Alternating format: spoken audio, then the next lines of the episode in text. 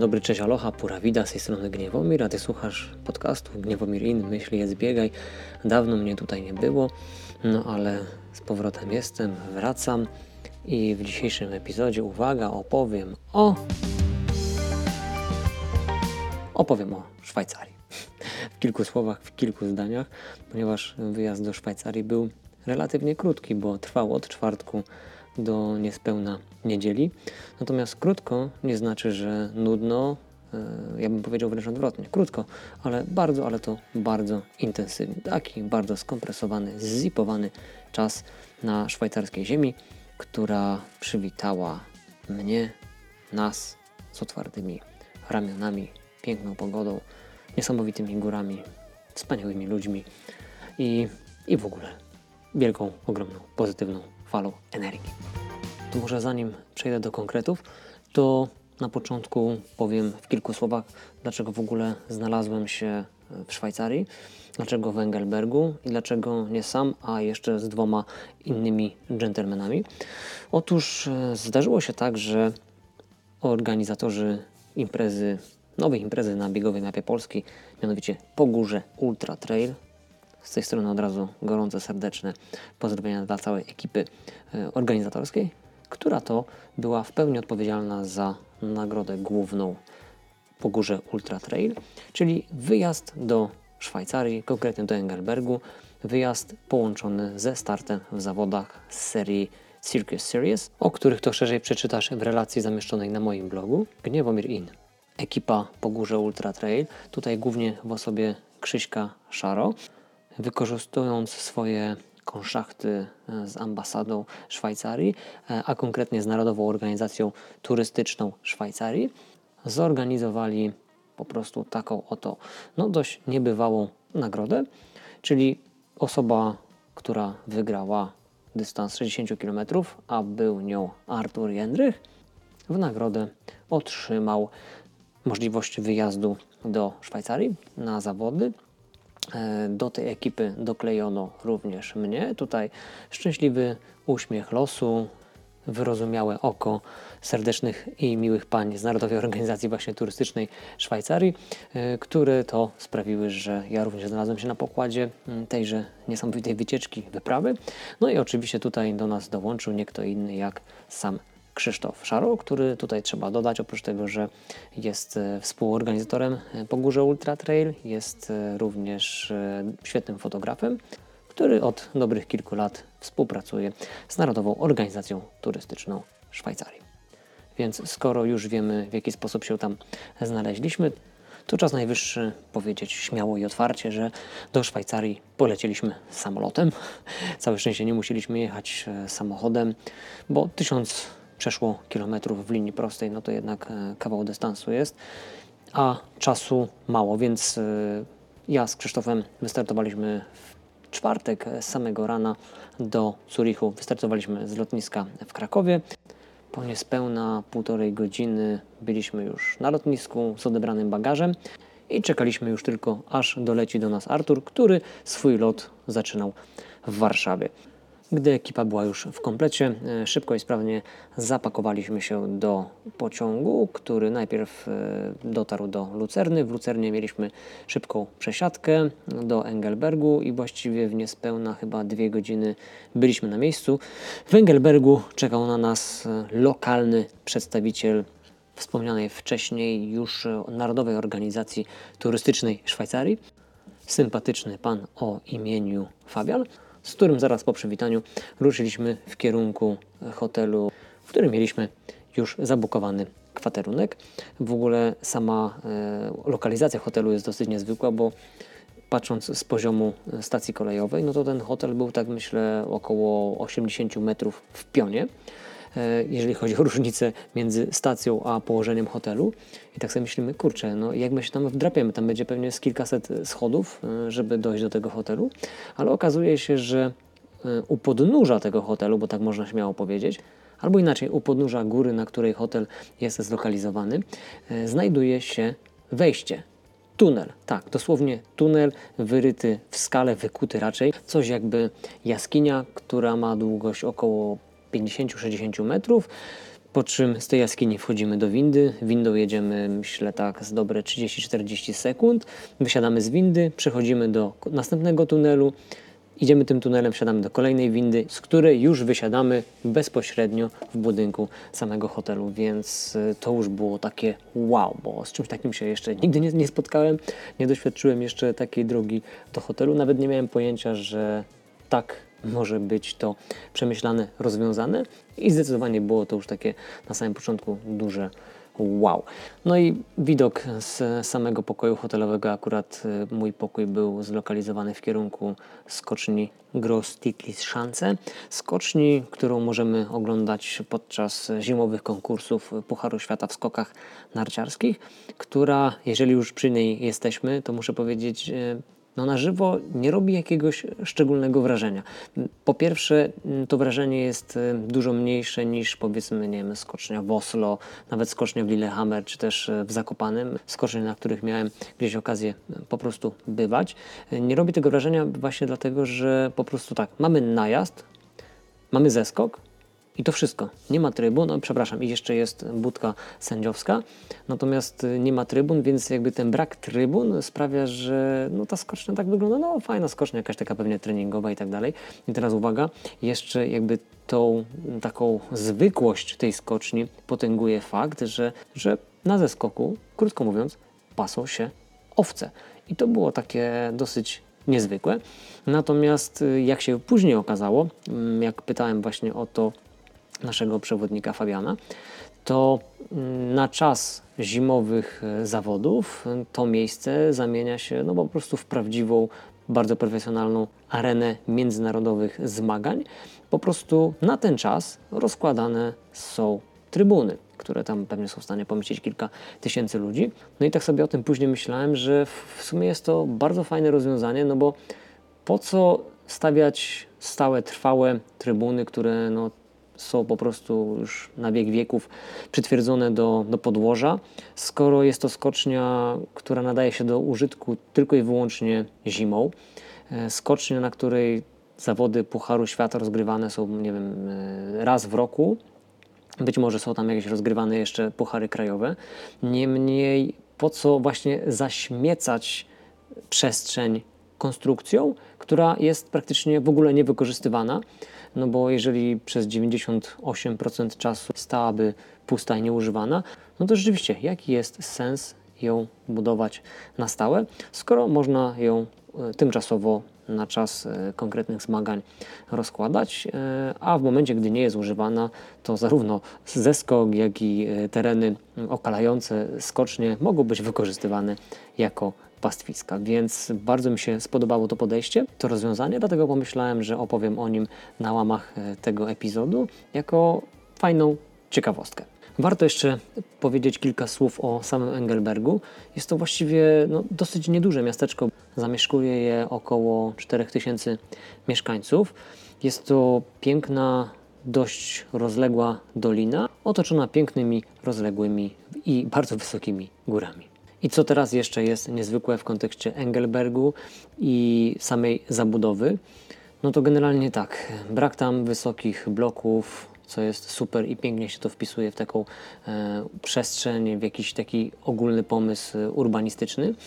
Dużo jest domów, domeczków pobudowanych gdzieś na zboczach i pomimo, że tego tak nie widać z dołu, z serca doliny, to ludzie potrafią się budować naprawdę bardzo wysoko. W sensie wysoko, jeżeli chodzi o wysokość nad poziomem morza, wysokość względem samej e, doliny. I w większość miejsc mogą dojechać e, swoimi jakimiś tam pojazdami. Natomiast są też miejsca, do których e, przynajmniej tak wywnioskowałem, no, głównie można dostać się kolejką linową a tychże kolejek z Doliny Engelbergu no, wychodzi naprawdę sporo. No, w moim odczuciu jest to naprawdę bardzo dużo, chociaż gdy słuchałem opowieści Krzysztofa o innych zakamarkach, o innych regionach Szwajcarii, to okazuje się, że są doliny, są rejony, które mają tych kolejek jeszcze więcej. Generalnie tutaj w języku angielskim e, używano zwrotu cable cars, czyli e, samochody na linie, tak by w dowolnym tłumaczeniu próbować to e, przełożyć. No i coś rzeczywiście w tym jest. No, car jako wagonik, y, kabel jako stalowa lina, której jest całkiem sporo w tej przestrzeni. Natomiast jeszcze wracając do samego y, mieszkania daleko nad samą doliną i czasami niedostępnością y, drogi, którą można byłoby dotrzeć do, dane, do danego domostwa, to pamiętam taką sytuację jak w sobotę już po zawodach postanowiliśmy wybrać się kolejką na Ristis. To jest, myślę, taka powiedzmy miejscowość położona około 1600 metrów nad poziomem morza. I w drodze do Ristis jechaliśmy z dzieciaczkami. No myślę, że to były jakieś przedszkolaki, które wyglądało to jakby wracały z jakichś zajęć albo właśnie ze szkoły, z przedszkola. No i wracały sobie do domu kolejką. I, i to było takie naprawdę wow. U nas powiedzmy, nie wiem jak teraz to wygląda, ale były gimbusy i tego typu jakieś pojazdy, które mm, przewoziły i rozwoziły dzieci e, do i ze szkoły. Natomiast e, w tamtych okolicznościach, w tamtych warunkach, na swój sposób dosyć surowych i specyficznych, dzieciaki po prostu do szkoły i ze szkoły jeżdżą sobie kolejką. Co ciekawe, nawet z tego, co się później gdzieś tam dowiadywałem, to chyba właśnie nawet na tej trasie jest taki nazwijmy to przystanek na żądanie, gdzie okoliczni mieszkańcy, którzy gdzieś właśnie mieszkają w okolicy tej konkretnej kolejki, mogą sobie tam po prostu ją złapać e, na żądanie, zatrzymać na żądanie, wsiąść i pojechać y, no, w konkretnym kierunku. No tutaj są tylko dwa, góra, dół, więc, więc to, to było takie bardzo fajne i na swój sposób surrealistyczne doświadczenie.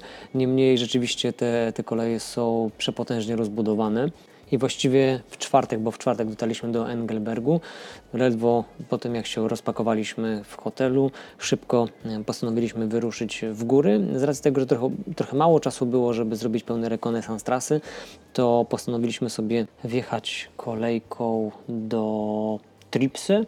To jest e, stacja położona na wysokości 1800 metrów nad poziomem morza.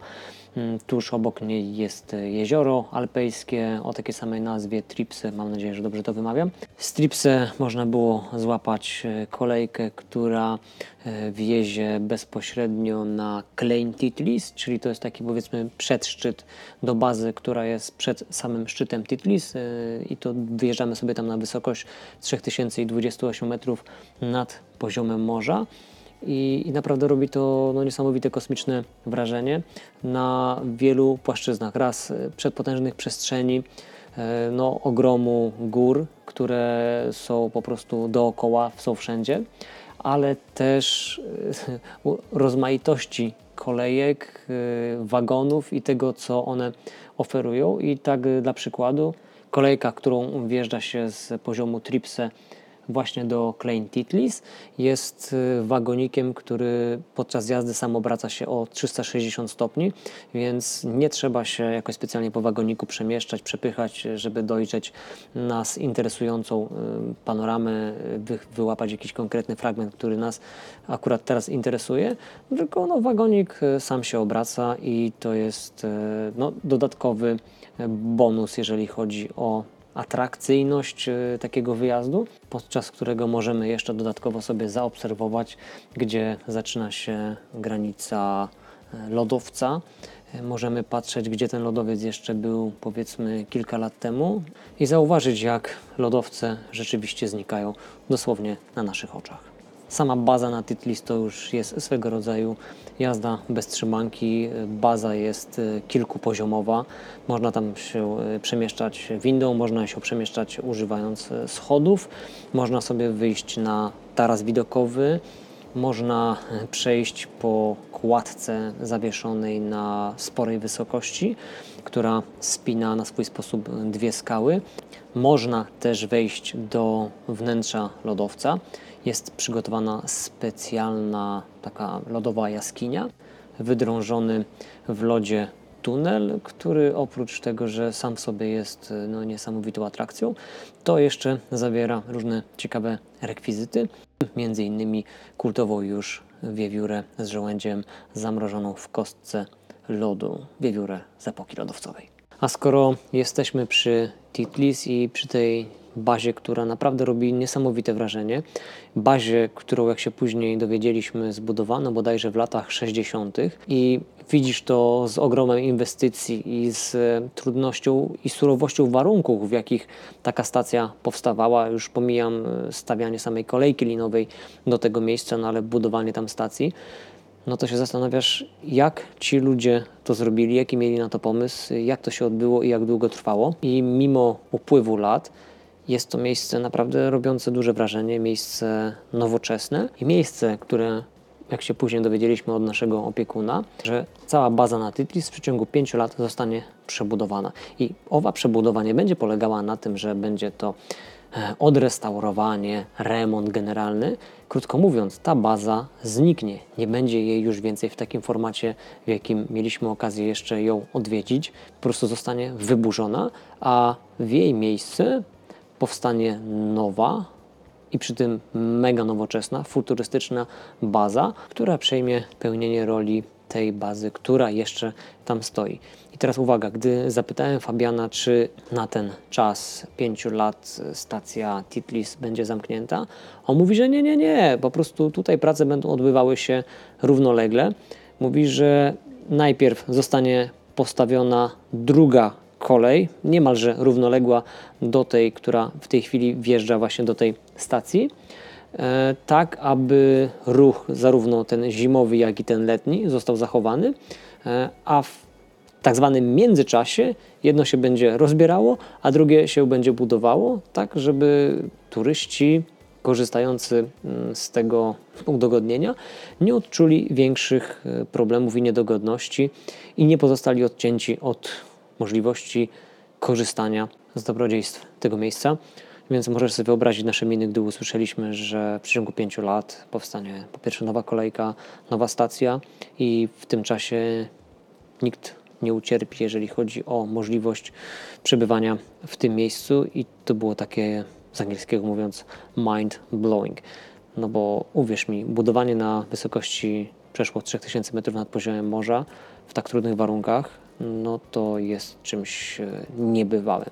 Mam nadzieję, że taka budowa odbywa się z poszanowaniem życia w górach, z poszanowaniem gór i z takim naprawdę minimalizowaniem jakichkolwiek przyrodniczych strat, ale mam wrażenie, że Szwajcarzy zupełnie podchodzą do tego inaczej niż to jest chociażby w Polsce.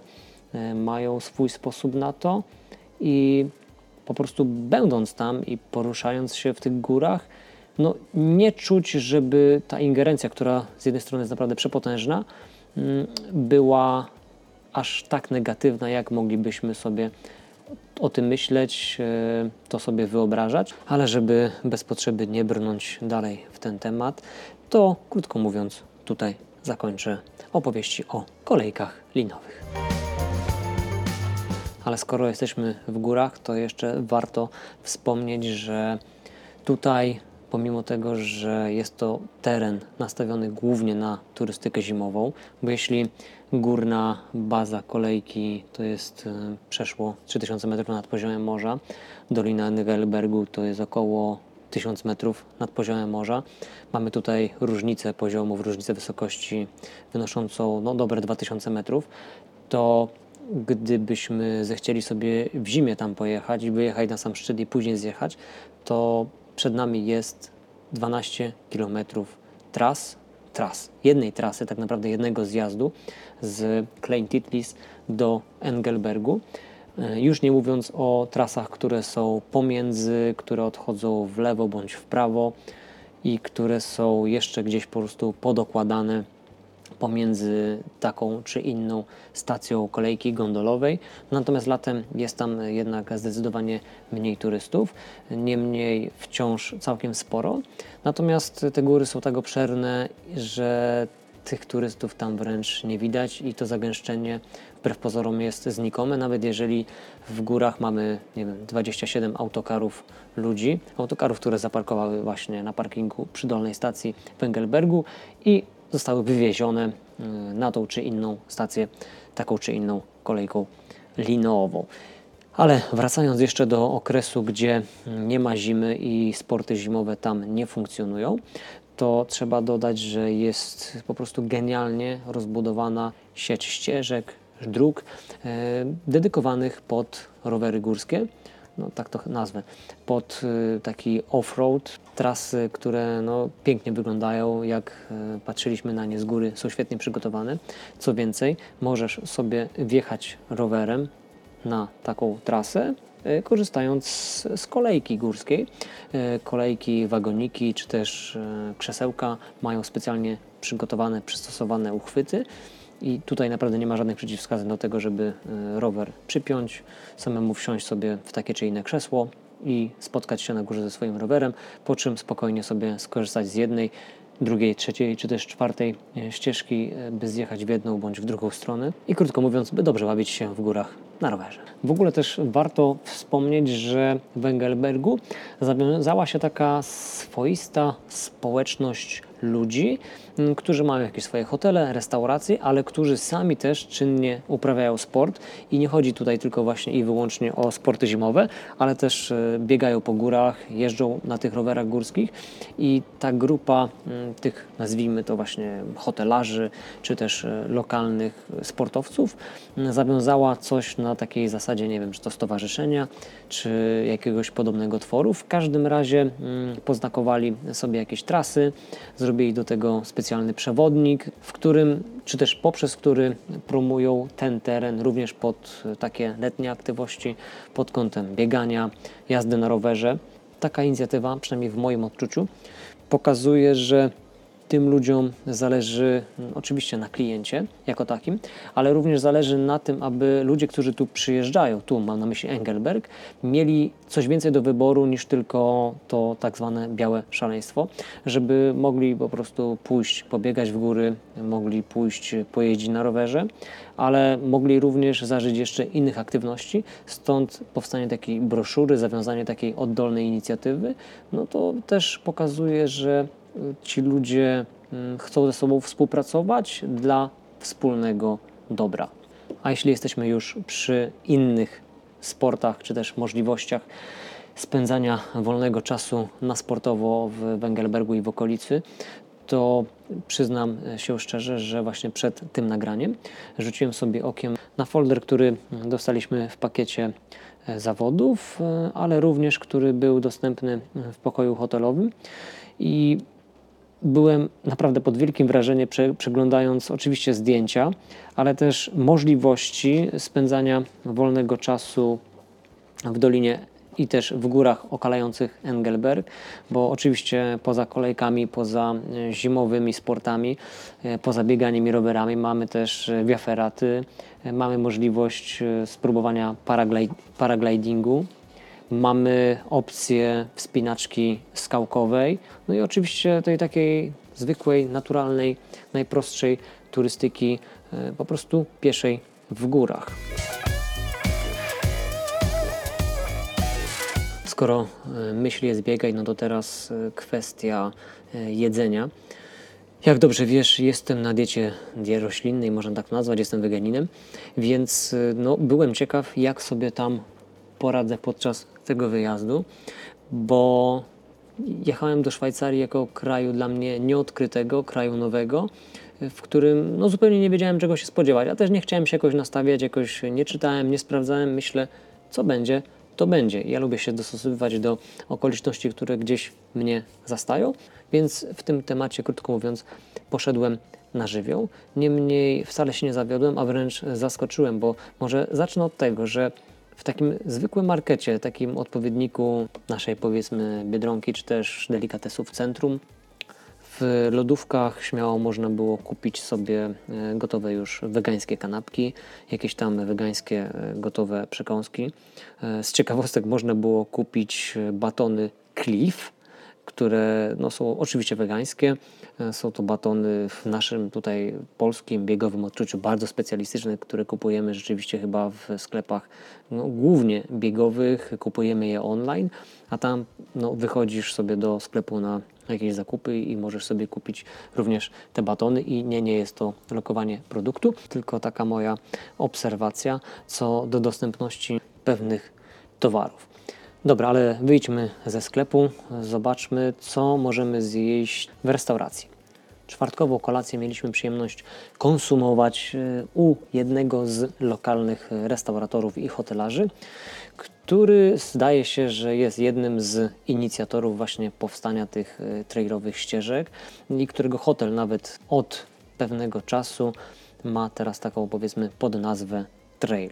Co jak się później okazało wcale nie była przypadkowa, wręcz przeciwnie, e, właściciel tejże, tegoż miejsca jest zapalonym biegaczem, również jeździ e, na rowerze, zna góry, kocha góry i promuje je jak tylko może. Więc gdy usłyszał, że mimo iż za nami niemal całodniowa podróż, a my od razu wybraliśmy się w góry, ucieszył się i, i popatrzył na nas naprawdę z wielkim uznaniem. Ale wracając do jedzenia. Menu w jego restauracji było typowo mięsne. Z tego co zauważyłem, w Szwajcarii w restauracjach je się dużo mięsa, głównie je się bardzo dużo dziczyzny. Natomiast co mnie zaskoczyło, pomimo tego w karcie przynajmniej jedno danie było zawsze wegetariańskie albo wegańskie nawet, a gdy nie było stricte wegańskiego, no to szybko padała propozycja, co mogą zrobić, jak zamienić, tak żeby było przeze mnie również jadalne. I co ważne, nie były to dania e, jakoś okrojone, niedoprawione, zrobione tylko od tak, nazwijmy to na odwalsie. E, były to pełnowartościowe, bardzo smaczne i obfite posiłki.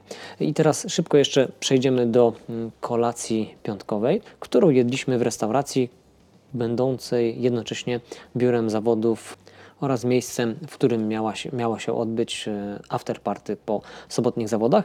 Miejscówka o nazwie Ski Lounge i to miejscówka prowadzona, co ciekawe, przez Szweda.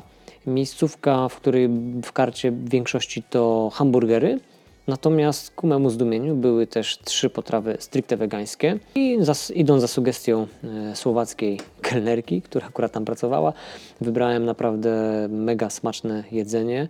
No i ta kolacja była takim tylko potwierdzeniem tego, że mimo iż restauracja jest e, no, w głównej mierze właśnie mięsna, do tego, że w menu jest sporo dziczyzny, to mimo wszystko trudny klient, jakim zapewne w pewnym sensie też jestem, również znajdzie dla siebie coś w menu.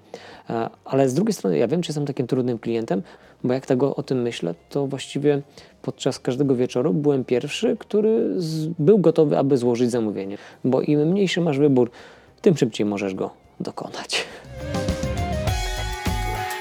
Wracając jeszcze do samego Engelbergu, to tak jak mówiłem, no nie jest to zbyt duże miasteczko, na pewno jest rozległe na swój sposób, ponieważ życie nie ogranicza się jedynie do doliny, ale wychodzi też w góry. Natomiast e, samo miasteczko jest niezwykle spokojne. Niezwykle spokojne, niezaśmiecone kompletnie reklamami. Miasto, w którym śmiało można powiedzieć płynie czysta energia z gór i tą energię czuć niemal na każdym kroku. Domyślam się, że pewnie mogą pojawić się pytania typu jak bardzo drogo jest w Szwajcarii i, i czy trzeba mieć fortunę, żeby tam pojechać i spędzić, nie wiem, tydzień na nartach albo, albo w sezonie letnim.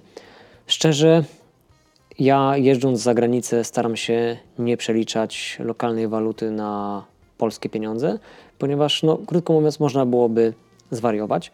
Mm, z racji tego, że trudno jest porównywać ceny szwajcarskie do naszych zarobków, ponieważ no, my zarabiamy zupełnie inaczej. Szwajcarzy również zarabiają w zupełnie innych pieniądzach i to nie chodzi o samą nazwę tegoż pieniądza, ale chodzi o wartości, stąd też te ceny dla nich w kontekście ich zarobków no, nie są wysokimi cenami.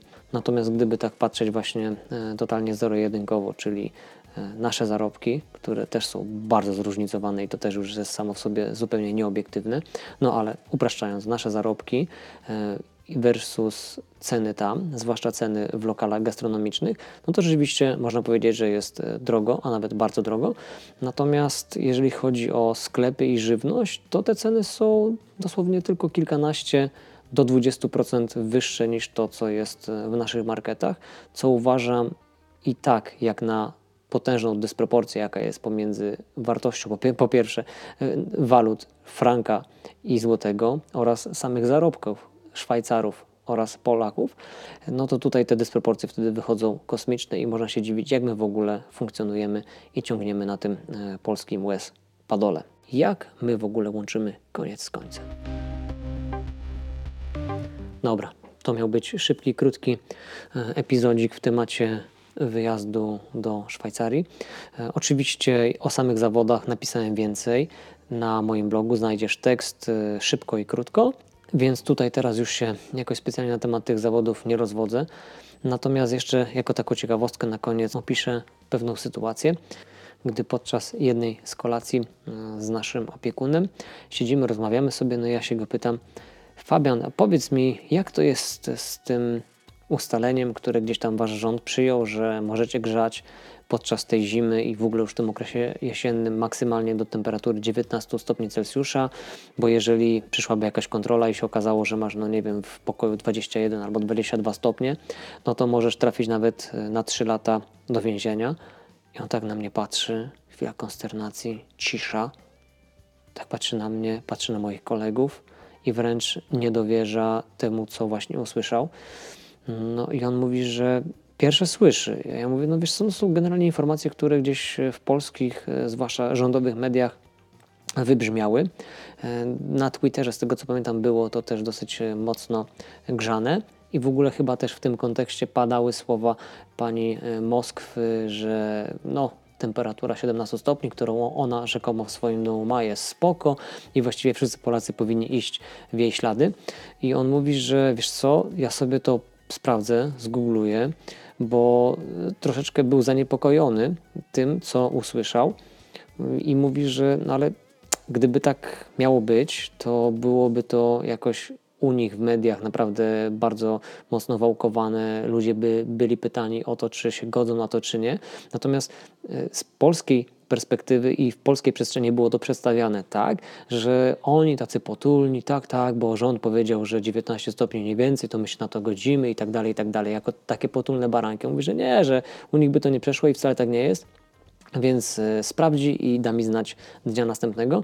No i okazało się przy następnej kolacji, że rzeczywiście gdzieś tam w mediach szwajcarskich pojawiły się informacje w temacie, że ktoś myślał o czymś takim, żeby taką regulację wprowadzić, natomiast nie było to w żaden sposób e, procedowane, w żaden sposób podniesione przez, przez rząd i tym bardziej nie ma takiego rozporządzenia, takich rezolucji, zwłaszcza tak dalece idących jak 3 lata więzienia, kary za grzanie powyżej 19 stopni Celsjusza. Więc to było takie mm, bardzo ciekawe i bardzo pouczające doświadczenie względem tego, jak perspektywa jednej strony na temat strony drugiej potrafi być e, rozmyta, jak zabawa w głuchy telefon, przeinaczanie faktów, manipulowanie faktami może wyglądać z jednej strony i jak e, później to konfrontujesz z drugą stroną, to wtedy okazuje się, co, co tak naprawdę za tym stało i jak to wyglądało, tudzież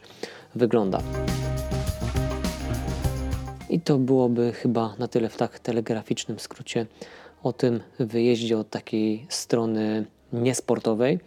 Dodam tylko, że w życiu bym się nie spodziewał, że Szwajcaria może mnie tak zauroczyć i w pewnym sensie no, skraść moje serce i zdecydowanie to jest miejsce, do którego ja chcę wracać, eksplorować i trenować tam. Trenować właśnie w Alpach szwajcarskich.